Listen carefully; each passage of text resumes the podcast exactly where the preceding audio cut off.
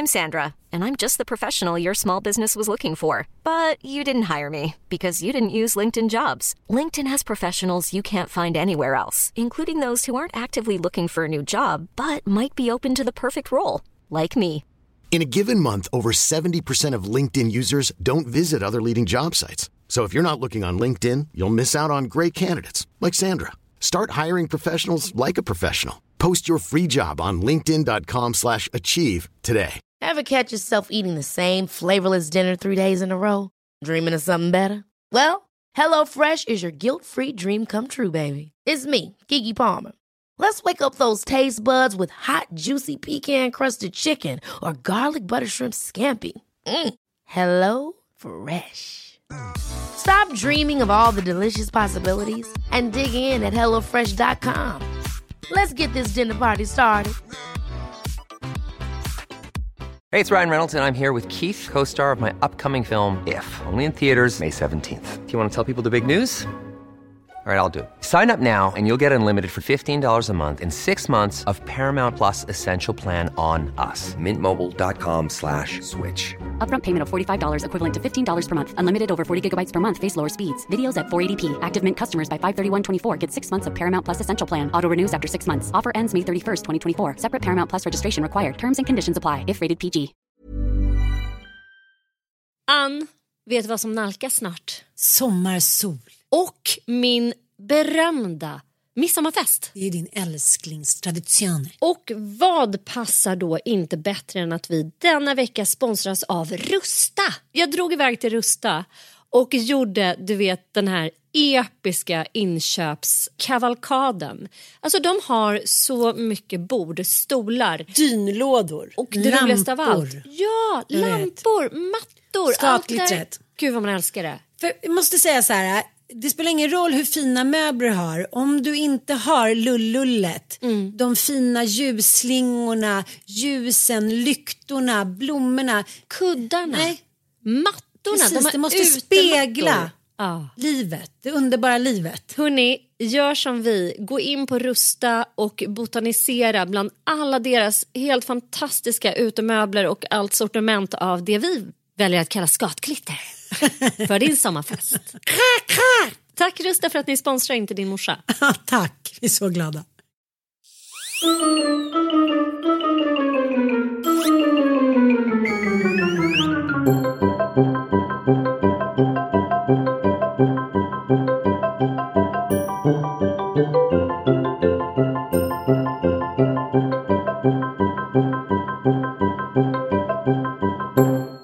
Välkomna till en alldeles, alldeles ny podd med mig, Ann Söderlund. Och mig Sanna Lundell. Vi är gamla i gamet tillsammans, men eh, ja, vi har ju haft en podd också. Har vi det? Djävulspodden. Ja det har vi. Ah. det är så, herregud man glömmer bort alla poddar.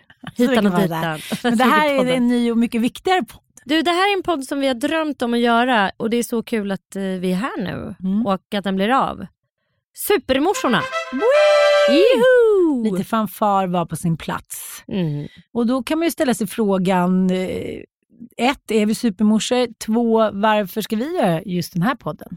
Kort och gott, alla är supermorsor. Vi gör ju den här podden för att vi vill liksom diskutera och dissekera den här enorma pressen som åläggs eh, morsor idag. Vi kommer i den här podden att diskutera aktuella teman och ämnen som berör föräldraskap såklart. Men det kommer också handla väldigt mycket om, som sagt, den här, den här mammapressen som eh, vi ser överallt idag, inte minst i sociala medier. Mm. Och som alltid går att sätta ett, lika tecken med kvinnopressen. Ja, ja. Mm. Det gamla vanliga klassiska hederliga kvinnohatet som genomsyrar hela samhället. Som poppar upp. Det poppar upp Ja. både här och där. sa jag till min 16-åring igår när jag körde bil, när han var så här, men gud, alltså kan du inte köra så här, jag har aldrig sett pappa Ja. vara så här ofokuserad.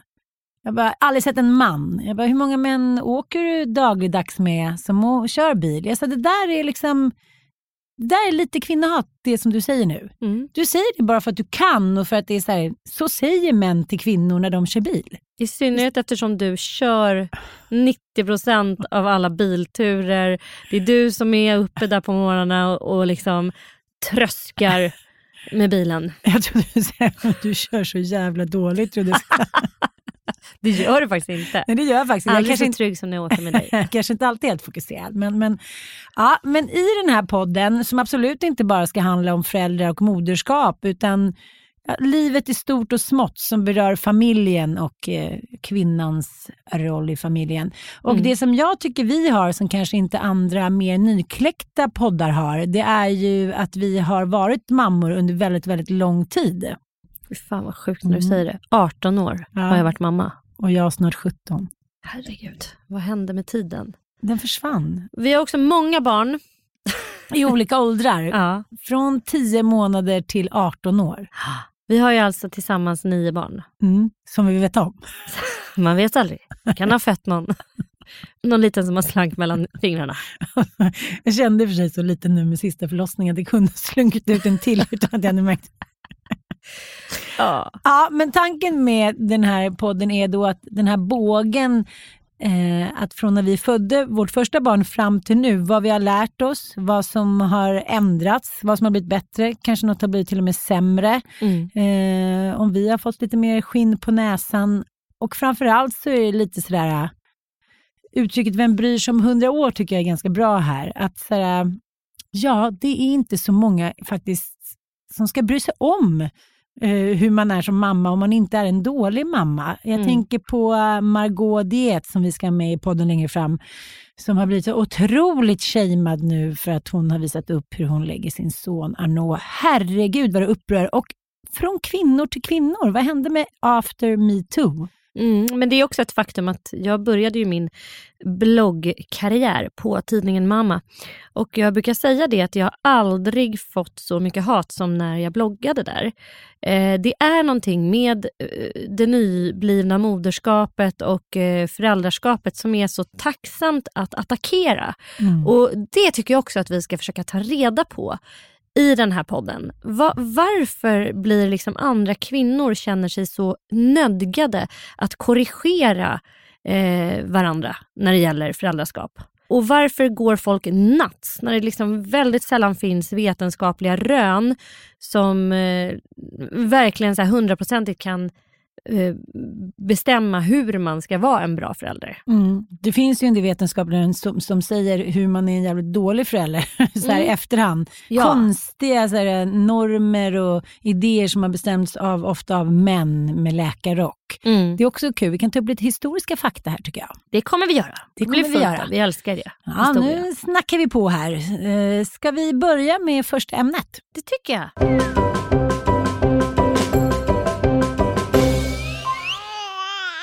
Men eh, din första rubrik Ann, sexy mama. Vad vill, du, vad vill du ha sagt med det här? Vad är det du vill diskutera? Men det är alltid en förändring. Det är alltid många komponenter som liksom samspelar. Jag tänker också så här, ensam mamma söker. Det finns ju många liksom, tv-serier också eh, som har på något sätt lett fram till att man inte behöver låsa in sig och vara, eh, sitta i sina noppor mjukisbrallor och ha en mammatofs. Jag läste en sån här eh, mammabok från 80-talet. Det var lagom till din bebis ska födas ska du klippa dig i en bekväm mammafrisyr. Alltså på allvar. Är be- det har inte du i alla fall. Ja. Den är jättebra. Nej men det, det har du helt rätt i. Och Ja. jag har tänkt på en annan rolig grej. Ni- Alltså, 2001 när Olga föddes, då fanns inte begreppet milf. Nej, nej. Och det, det är ju någonting som har hänt här, eh, clearly kan vi säga. Ja. Att liksom the, eh, the sexy mamma är eh, ett begrepp som vi alla kan relatera till och eh, hon är allestädes närvarande och det har ju blivit både som en befrielserörelse på något sätt men man kan ju också se det som ett eh, som ett jävla konstigt krav. Eh, liksom. Ja, men har du någonsin känt dig som en sexy mamma när du var gravid till exempel? Eh, absolut, alltså det, det är det som är så absurt att eh, med liksom objektifiering av kvinnor och så vidare så kan ju liksom allt som har med en kvinna att göra göras till fetischer på något konstigt sätt. Liksom. För jag tänker att vi på något sätt ändå är djur. Eh, det finns inget djur som människan som har komplicerat sex, alltså fortplantning, på ett så fundamentalt sätt som människan Nej. har gjort. Eh, sex är skamligt, det ska ske liksom i slutna rum, ingen får se när vi har sex. Männen sen ska ska bestämma allt- hur sexet ska vara. Ja, vi ska och- skämmas om vi njuter av sexet, Ja. kvinnan. Ja. Vi vet inte ens när vi är kåta i stort sett. Eh, vi ska liksom å ena sidan vara kåta jämt, Ja. å andra sidan ska vi absolut inte vara det för då är vi slampor. Men om vi lever tillsammans med någon då ska vi vara tillgängliga och kåta jämt. Man ska ha sex minst två dagar i veckan för annars är det tecken på dålig relation.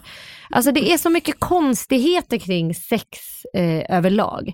Men om vi tittar på djurvärlden, jag har mycket svårt att tro att en eh, då havande djur av något slag idkar sex under det här havandeskapet. Ge mig ett enda exempel. Om det är någon där ute som är biolog, gå in på vår Facebook-sida Supermorsorna och liksom överbevisa mig. Men jag menar jag har hästar, jag har hundar, jag har haft katter, jag, har, jag är ju en djurgalning liksom. Det finns inte ett enda djur som jag i alla fall har varit eh, i kring som eh, njuter av sex under sin graviditet.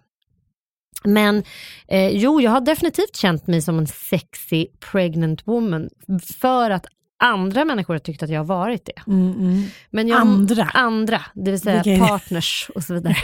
partners och även en annan, en annan blick att man är så här, gud det är så här läckert när du, alltså man har fått, fått Bröna dinglar och klänger där. Ah, Jag kommer ihåg när en killkompis sa till mig att han hade haft sex med en gravid tjej. What? Det här var ju också i, liksom, Som inte var hans Ja, som fru. inte var hans fru. Nej men alltså han var singel och ledig och lös och härlig. Men eh, han hade eh, blivit, eh, liksom, ja, jag vet inte hur det gått till. Hon hade ju varit då otrogen och han hade då haft sex med henne. Och jag var så här, för mig var det ungefär som att säga, alltså, sätta på heliga liksom, Jesu moder. Ja. Här, ja, men det där krånglar ju också till att så här, den smarta jäveln som vill hålla liksom, oss kvinnor på mattan kom ju på att titta på sagan om att Maria, att det var en jungfrufödsel. Ja, alltså Så därmed det- sagt, jag vill inte säga att, att så här, mammor inte varken, eh, att, det, att det är så att säga avvikande och konstigt att, att känna sig sexig eller att vara kåt när man är gravid eller mamma för den delen. Så här. Men, men jag skulle tro att väldigt många eh, inte är så jävla kåta helt enkelt när de är gravida och inte är så jävla kåta kanske heller när man har en liten liten bebis som man sitter och ammar. Av Nej. typ hormonella skäl. Man har ju en helt annan hormonpåslag eh, när man är gravid och när man ammar som kanske inte är, är de mest så här, kåta hormonerna som Fast spelar loss. jättemånga blir superkåta i början när blodet rusar till och hormonerna. Jag, jag känner jättemånga kompisar som bara vill ligga hela tiden. Ja. Men det är olika. Jag har också varit olika. Första, min första graviditet och med min nya man Mattias, då var ju vi alltså helt nykära. Alltså vi hade ju liksom varit tillsammans i en månad. Mm. Du vet ju hur man är då. Mm. Like rabbit in the rabbit hole. eh, och då kände jag mig så otroligt sexig. För att just i hans ögon, ja det kom ju en mage och hit och dit men eh, det var ju liksom, eh, han var ju nykär i mig och han, det spelar ingen roll om jag hade mage eller inte. Han tyckte att jag var liksom sexigast i världen. Och det måste jag säga, det var faktiskt helt fantastiskt. Och känna sig så åtrådd och vara liksom åtrå själv så himla mycket när man var gravid. Mm. Det var faktiskt en jävligt speciell känsla och då kände jag mig verkligen som en hot mamma. Jag hade liksom hela tiden så kläder så att magen skulle synas. Men jag, första gången jag var gravid så tänkte jag liksom inte ens på att jag skulle liksom anses vara sexig. Men det handlar också mycket om att jag nu själv kan känna mig sexig i mig själv. Min dåvarande kille tyckte att det var läskigt att jag var gravid och ville inte ha sex. Så då blir det också att man känner sig då, som kvinnor gör, så här ful och osexig och inte värd Mm. att åtrå. Så det där är ju liksom en komplicerad eh, grej det här med sex under graviditeten. Jag har också en kompis, killkompis som sa så här, så skönt när min fru är gravid. Då slipper man vara den där som ska så här, vara the stud, som ska vilja hela tiden och sådär. Jaha. Mm, Det är också ett ja. perspektiv. Det är, Mm. det, det är, vi har ju märkliga föreställningar och förutfattade idéer om liksom att män alltid ska vara dyngkåta och att kvinnor eh, inte är det, men ställer upp typ för husfridens skull. Det behöver ju definitivt inte vara så. Vi är ju som sagt inte djur, vi är ju extremt komplicerade. Men eh, det är ju också liksom deppigt tycker jag, när det förväntas av en på något sätt att så här, Ja, men vadå, man ska vara så himla kåt hela jävla tiden. Men det är man väl inte Precis med? lika deppigt som att, att eh, om man nu är det så är det fel. Jag vill mena att så här, kom igen, var lite öppen för alla variationer. Mm. Liksom, är man inte kåt så behöver inte det betyda att eh, det kommer vara så för evigt. Liksom. Nej. Och eh, vi behöver ju faktiskt inte klänga oss kvar vid en partner heller. Vi lever ju, f- god damn it, 2018. Är det så att man känner att man lever med någon vars sexlust då inte passar ihop med ens egen sexlust, bli vänner istället och gå ut och hitta en partner som passar. Mm. Och liksom, är man föräldrar tillsammans så går det alldeles utmärkt också. Var goda föräldrar. Eh, jag tycker Katrin Zytomierska och Bingo är ett jättebra Ja, exempel på det. Fan vad de är Ja. bra. Nu Jag är blir de så... i Thailand tillsammans Ja. på semester. lever life och är de bästa vänner och jättegoda föräldrar trots att de inte då eh, delar säng. Men jag tänker också att man, jag, jag, jag håller ju på att kolla på sådana här Instagram-konton med gravida moms. Bland annat den här då Sarah Stage, 2,2 miljoner följare. Nu följer jag också henne då. Och eh, hon eh, pratar hela tiden om att man ska liksom ha rätten att vara sexy mamma. Och så, så visar hon bilder på det, jag menar, eh, hennes liksom, gravidmage i 39 veckan, den syns inte ens ut som min nu. Och så är de direkt superfit direkt efteråt. Men jag tänker så här, det finns ju alla möjliga sorter. Det finns body positive, det finns de som vill träna direkt. Jag kanske bara, man kanske bara inte ska bry sig så mycket och varken kritisera vare sig det ena eller det andra. Det får, alla får väl göra som de själv mår bra av. Det behöver inte vara en sån biggie. Om du känner dig som en sexig mamma, var en sexig mamma. Skit lite i liksom vad alla andra tycker och tänker.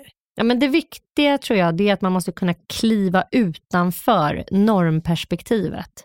Läsa texter som är lite normkritiska och som är lite så här, mhm, ger en en liten annan idé om så här, det rådande och det gällande. Och det kommersiella perspektivet som ju, jag menar att, att, att eh, göra the sexy mama till en eh, idealbild, den är ju väldigt lukrativ om man tänker ur ett businessperspektiv. Helt plötsligt måste vi då köpa massa sexiga mammakläder och vi ska, liksom, vi ska hålla igång konsumtionen trots att vi blir gravida och fortsätta med sexiga underkläder fast med en liten, liten gördel för magen och så vidare.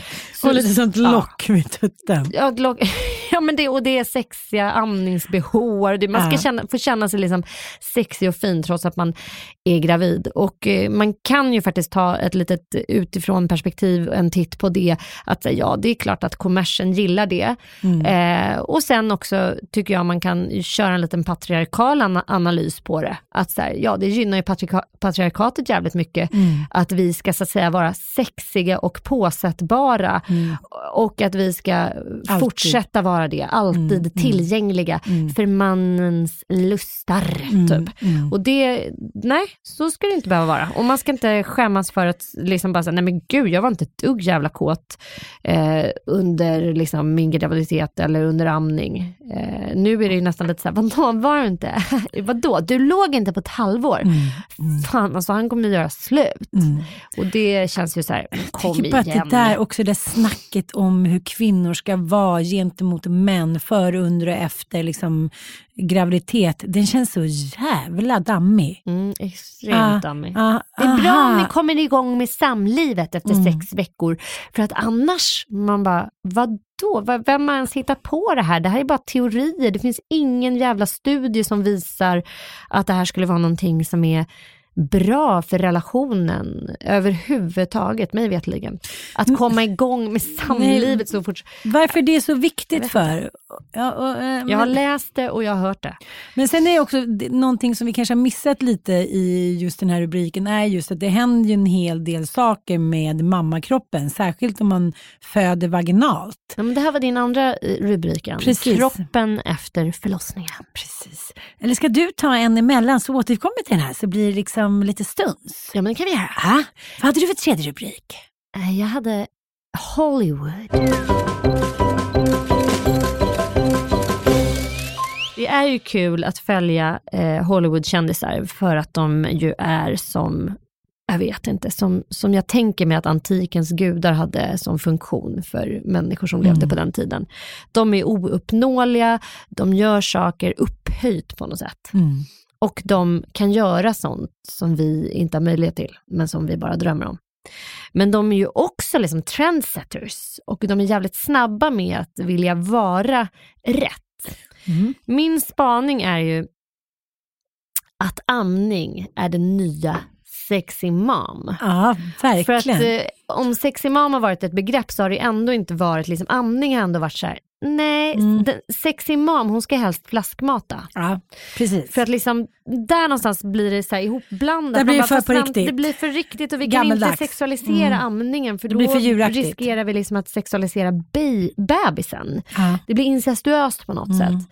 Men nej, nu har de tagit ett steg längre. Och jag följer ju då som besatt Kat Von D som är tatuerare. Jo tack, jag vet. Och hon har, Hon har haft en egen tv-serie. tv-serie. Ja. Hon är ju liksom en svartrockare också eller vad man ska kalla henne för. Alltså Vem hon, har hon skaffat barn med? hon har träffat en musiker som heter Slayer. Raphael Slayer tror jag han heter. Satan en kvinna. Ah, och de, är, ju- de gillar ju så satanism och mycket så här, äh, häxkonster och de har inrett ett helt hem bara i svart. Och de har bara, alltså de, och, och då har man fått följa hennes graviditet med sin älskade Slayer som hon, hon är så jävla kär i nu. Och de är ju match made in heaven, det får man lov att säga. Och de har då, och hon är ju då vegan, Kat Von D, vilket är också en Hollywood-spaning jag har. Eh, för att vara het och inne så bör du direkt bli vegan. Kat Von D är ju naturligtvis det. Och hon Jaha, omfamnar- man måste följa, det, det är vissa Ja, prototypmallar. Mm, så vegan ska man vara, det är liksom det hetaste.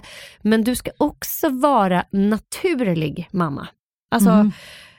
hon har ju då kört hemförlossning i så här pool hemma, sitt första barn. Jag skulle aldrig göra. Jag skulle aldrig våga det, jag skulle Nej. aldrig klara det. Och hon körde ju med så här dola och anlitade så här råflummiga människor innan. Och hon kör bara tygblöjor på den här bebisen. Och till och med så här att hon körde en efterlysning på sin Instagram. Hon ville ju då prompt amma denna baby och sen avnavling. Det var ett begrepp som jag inte hade ens en aning om vad det var. Som går ut på att barnet ska få maximalt av blodtillförsel. Så man ska inte klippa navelsträngen eh, alltså bara direkt när barnet kommer ut, utan man ska vänta så länge det går, gärna tills moderkakan har släppt. Sen klipper man navelsträngen, för då får barnet i sig allt järn som finns och så vidare. Sen avnavling, men också att hon så här, börjar amma den här bebisen och så får han inte i sig tillräckligt med mjölk och hon vill då inte ge bebisen ersättning för den är ju baserad då på komjölk, nästan all ersättning. Det Ja. finns ju sojabaserat men det finns nästan alltid animaliskt eh, protein i mjö- modersmjölksersättning. Så hon efterlyser då på sin Instagram så här, Hey you vegan mom out there, så här, är det någon som vill donera vegansk bröstmjölk till mig? Alltså hon vill inte ens ha bröstmjölk från en mamma som äter animalier, utan hon vill ha bröstmjölk från en mamma, alltså en människa, som äter veganskt. Och hon får napp på detta. Och tackar då på Instagram så här, I'm so grateful for you. Eh, och så, jag kommer inte ihåg vad den här personen hette, men alltså en människa då, en, en kvinna i LA som har donerat bröstmjölk till Kat Von Ds bebis. Är inte det här helt otroligt? Men det här är ju i och för sig back to the future. Ja, men det, Ja. De rika människorna, man ska säga dåtidens Hollywoodkvinnor var ju liksom adelskvinnorna och slottsadeln hit och dit. Och de har, har ju aldrig slängt fram bröstet någonsin. De har ju alltid haft ammerskor. Det har ju liksom... Ja, men, och det här är ju så här, men det låter ju fint, men det här är också, vet du Ann, när jag, när jag började liksom läsa om det här med att så här, nej, men nu vill man inte ge bröstmjölksersättning längre, för det är liksom så här, man, man gillar inte de här märkena Nestle och Semper. Nej, nej, och nej, nej, de är okej. förknippade med liksom u-landskatastrofer där man matar bebisar med då smutsigt vatten blandat med den här ersättningen och sådär. Utan man vill ha, man vill ha liksom donerad bröstmjölk. För det finns så mycket bra antikroppar och den är så bra. Det är bröstmjölk är bäst, bäst, bäst, bäst i Hollywood just nu. Vet du vad de har som är på gång nu? Nej. Att man ska kunna sälja sin bröstmjölk till ett företag som frystorkar den och tillverkar alltså bröstmjölksersättning fast Nej. gjord på jo, Så man ska köpa typ en Semper fast, Semper, fast av- gjord på Wow. liksom kvinnor. Och förstår Det måste ju du? kosta här, tusen kronor för två deciliter. Jo, typ. fast du kan ju tänka dig om, om typ Nestle eller något annat multinationellt företag eller några andra då som inte har några skrupler så att säga, får tag i den här idén och placerar tillverkningen i Kina. Två, 200 000 kinesiska kvinnor sitter och pumpar ut sin bröstmjölk. Förstår du alltså The Handmaid's Tale, typ. Handmaid's Tale, ja. Ja. Nej, Så jävla gud. sjukt. Ja, men, Men- det här är på men- gång i alla fall. Och det här är, jag kommer inte ihåg vad företaget heter, men det, det är sant det här. Och det var min Hollywood-spaning. Det naturliga moderskapet, att man äh, definitivt vill köpa in då. Man vill inte ha eh, mjölk baserad på komjölk, man vill ha människomjölk och man vill ha det till varje pris. Så att Kat Von D går ut till sina min- miljontals följare och efterlyser detta. Kan Kat du bli min? Jag kan ju börja donera redan nu. För 10 kronor Det är flaskan. jävligt dyrt. When you're ready to pop the question, the last thing you want to do is second guess the ring. At Bluenile.com, you can design a one of a kind ring with the ease and convenience of shopping online. Choose your diamond and setting. When you find the one, you'll get it delivered right to your door. Go to Bluenile.com and use promo code LISTEN to get $50 off your purchase of $500 or more. That's code LISTEN at Bluenile.com for $50 off your purchase.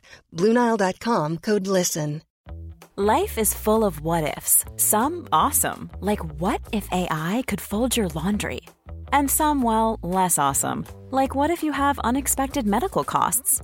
United Healthcare can help get you covered with Health Protector Guard fixed indemnity insurance plans. They supplement your primary plan to help you manage out of pocket costs. No deductibles, no enrollment periods, and especially no more what ifs. Visit uh1.com to find the Health Protector Guard plan for you. Hiring for your small business? If you're not looking for professionals on LinkedIn, you're looking in the wrong place. That's like looking for your car keys in a fish tank. LinkedIn helps you hire professionals you can't find anywhere else, even those who aren't actively searching for a new job but might be open to the perfect role. In a given month, over 70% of LinkedIn users don't even visit other leading job sites. So start looking in the right place. With LinkedIn, you can hire professionals like a professional. Post your free job on linkedin.com slash achieve today. Wow. Nice. Yeah. What you're hearing are the sounds of people everywhere putting on Bombas socks, underwear, and t-shirts made from absurdly soft materials that feel like plush clouds. Yeah, that plush. And the best part? For every item you purchase, Bombas donates another to someone facing homelessness. Bombas. Big comfort for everyone. Go to bombas.com slash ACAST and use code ACAST for 20% off your first purchase. That's bombas.com slash ACAST. Code ACAST.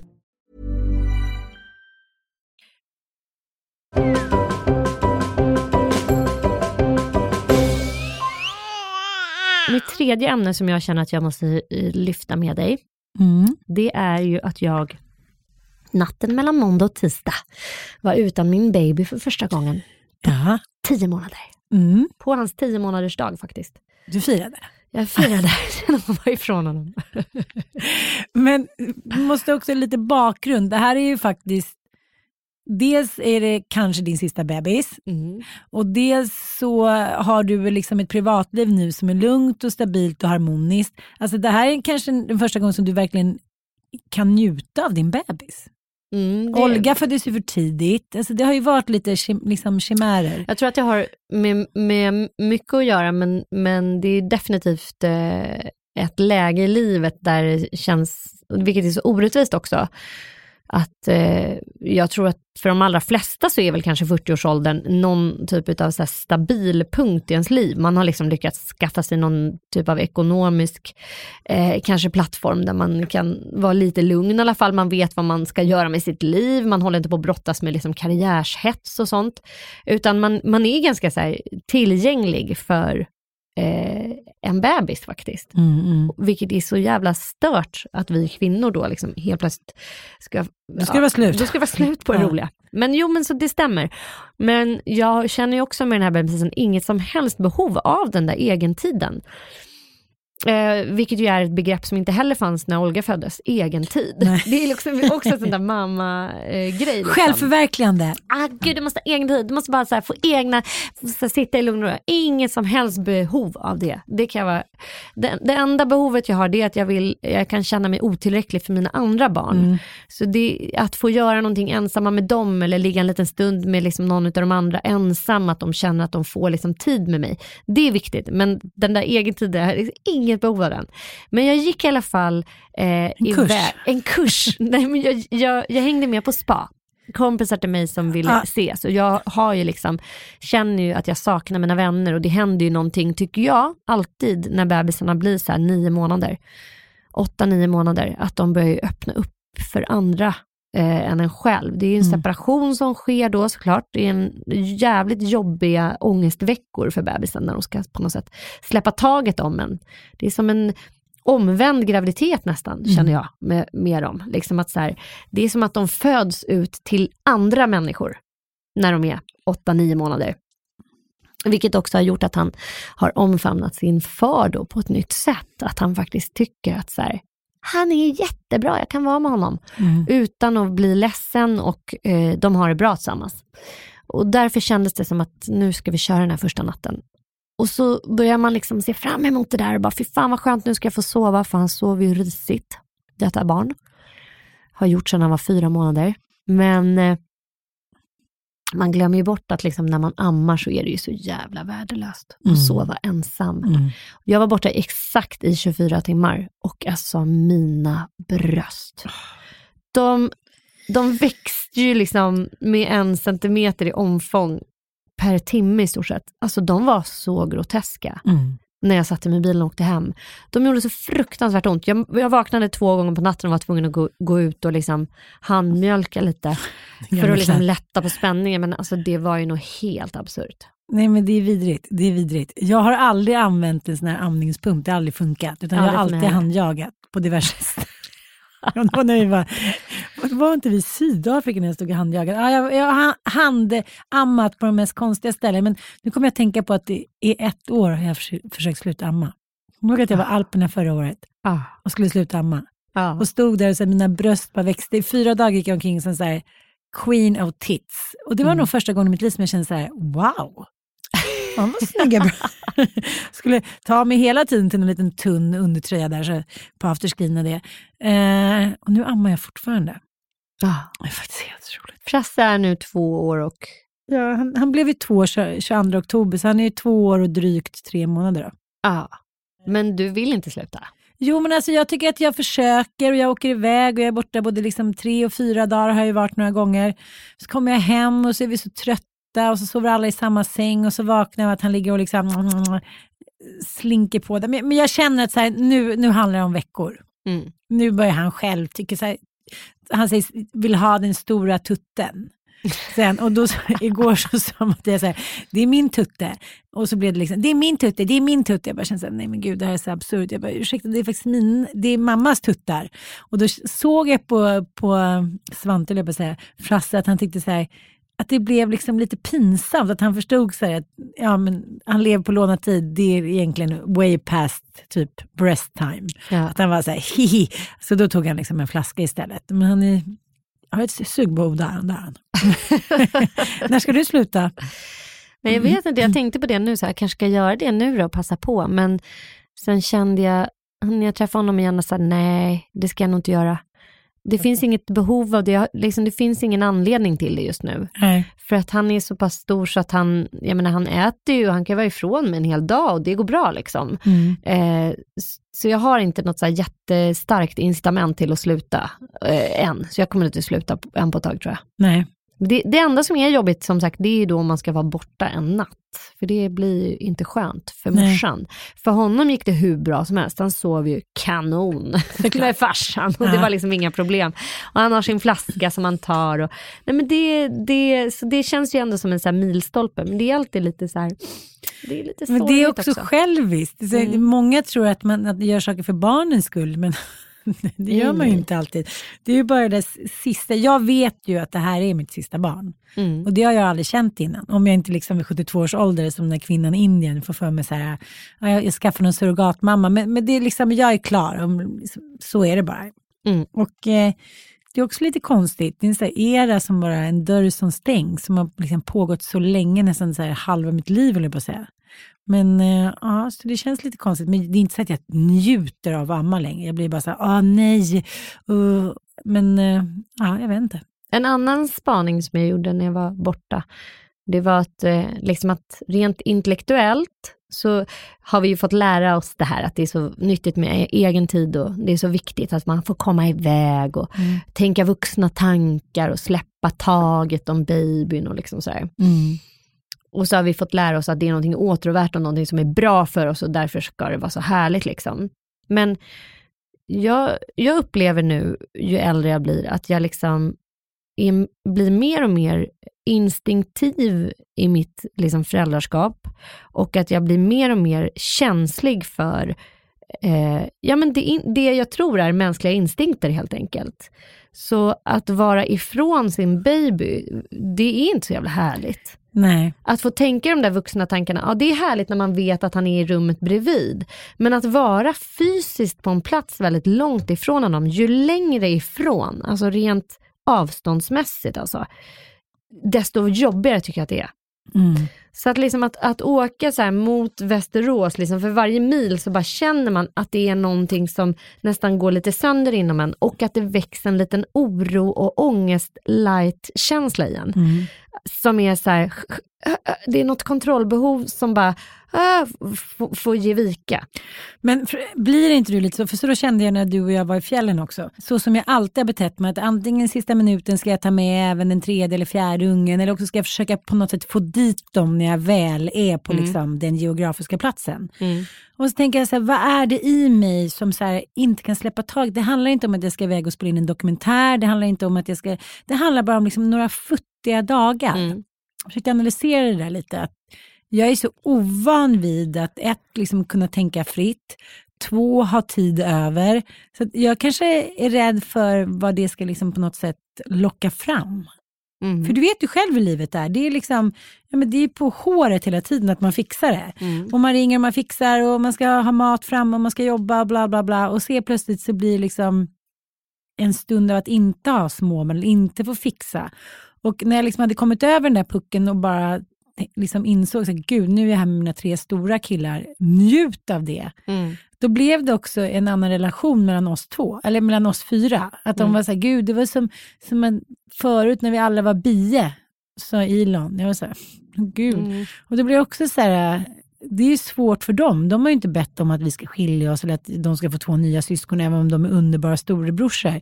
Så blir det alltid, det är ett jävla fokus på de där små hela tiden. Det är ju Mm. det som du också sa, att man så här, hela tiden bara har fokus på de små, vare sig man vill inte, för de Mm. kräver det. Och de måste få de här första åren. Liksom. För de har sett allt. Men, men då kan vi ändå säga att varken Frasse eller Bobo är ju bebisar Nej. längre.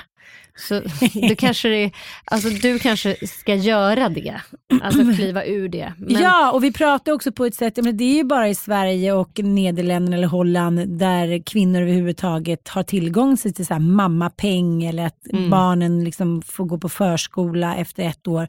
Annars är det bara i USA eller liksom var du än är i världen så är det så här mellan åtta veckor och fyra månader. Sen ska ungarna in på liksom förskolor så ska någon annan ta hand om dem för då finns det inga pengar kvar. Mm. Så att vi sitter här ur ett perspektiv att vi är så, här, så jävla lyckligt lyxlottade. Mm. Att vi kan vara mammalediga eller pappalediga, att vi, sam, vi kan vara med våra bebisar de här första tiderna, det är så viktigt med anknytning och hit och dit. Eh, så att det, ja, det känns lite befängt att vi sitter här som de enda kvinnorna i världen i stort sett och Jag kan vet. prata på det här sättet. Det är ändå dubbla känslor. Ja. Jag, det är liksom dels ett fysiskt behov av dem såklart, alltså som jag tror är djupt instinktivt. Men sen också att man har sitt förnuft som så säger åt en att det är bra att få liksom växla emellan. Att inte bara så att säga vara mamma, Mm. utan att också kunna så här, eh, kliva ur det då och då och få, få tillbaka sina egna tankar. Det är så, också så lustigt sen när Mattias får vara själv, liksom man åker iväg någonting med barnen, du vet han är så lycklig. Han, Mm. så här, åh, han planerar och han ska äta det och sen ska han ligga i soffan och sen ska han kolla på golf. Det, det är liksom, det är ju det där fysiska. Mm. Så är det ju bara. Mm. Jag kan inte förklara på något annat sätt. Jag såg en dokumentärfilm om en liten eh, elefantunge som hade gått vilse, alltså en sån här jätteliten. Och eh, hamnade i en annan liten liksom, elefantskock. Och de tyckte det var skitbra, det kom en liten gullig bebis. De är väl gravida i två år, eller vad är det? Ja, de Elefanter. får vänta länge. De bara yes, den kom för tidigt. Och sen sett liksom, när mamman kom på att hennes bebis hade försvunnit och hur liksom hela ligan, alltså hela elefantflocken bara flängde iväg och skulle rädda den här och hur den andra elefantflocken stängde in den här bebisen och vägrade släppa ifrån sig den. Och vilket turbulent när den så här dansen när de skulle försöka få... Ah. Då tänkte jag att det, kanske är så att vi instinktivt innan vi började leva i en modern värld var liksom en flock, it takes a village to raise, raise a child som det heter. Att eh, papporna kanske bara måste locka fram det där lite, att vi som farmor, mormor, farfar, alla ska gå med och liksom ta hand om barnet egentligen, att det finns inom oss. Mm, jag tror det. Ja. Det var fint i alla fall. Det var. Du, vi ska avrunda den här podden. Mm. Det var jättekul. Ja. Och det är så härligt att få prata om de här grejerna. De är så himla viktiga och de är så, ja, vi behöver det här. Vi behöver få oss till livs diskussioner kring föräldraskapet, Mm. människans reproduktion och allt det. Tycker du inte det? Jo, jag tycker verkligen det och det finns så mycket att eh, debattera också. Det gör det. Ja. Det finns så mycket tyckanden, och det finns så mycket teorier och det finns så mycket åsikter. Och det är som sagt, vi har ju krånglat till det helt oerhört. Det är som Mm. att vi, vi är ju kulturella varelser eh, och lite för intelligenta för vårt eget bästa, vilket ju har skapat då e- enorma liksom, olikheter i hur vi hanterar olika delar av våra liv i olika delar av världen. Och vi har också blandat in värderingar och moral i allt det där, Mm. vilket ju inte djur har på samma sätt. Liksom. Men därför är det sjukt spännande att diskutera tycker jag. Moderskap och föräldraskap. Men du... Eh, Nu ska helikoptermammorna gå och ta en kopp kaffe. eh, det tycker jag. Så ses vi göra. nästa gång. Och eh, om, ni, eh, ja, om ni vill tycka till så gör gärna det på vår Instagram eller på vår Facebook-sida. Eh, Supermorsorna heter vi där. Ja, och vi tänker även ta upp eh, ett föräldradilemma varje gång. Så att ni kan väl ja, Tyck till, har ni Ja. önskemål om vad Mm. ni vill att vi ska diskutera och ta upp? Eller om ni har frågor som ni vill ha svar på så kan vi försöka liksom hitta någon lämplig expert eller dylikt som Mm. hänger med, eller hur? Men nu har vi egentligen en rubrik till, den har vi inte med. Nej, Nu tar vi nästa. Mammakroppen. Ja. Denna mammakropp. Tack för att ni var med oss. Puss och kram och ha det så bra.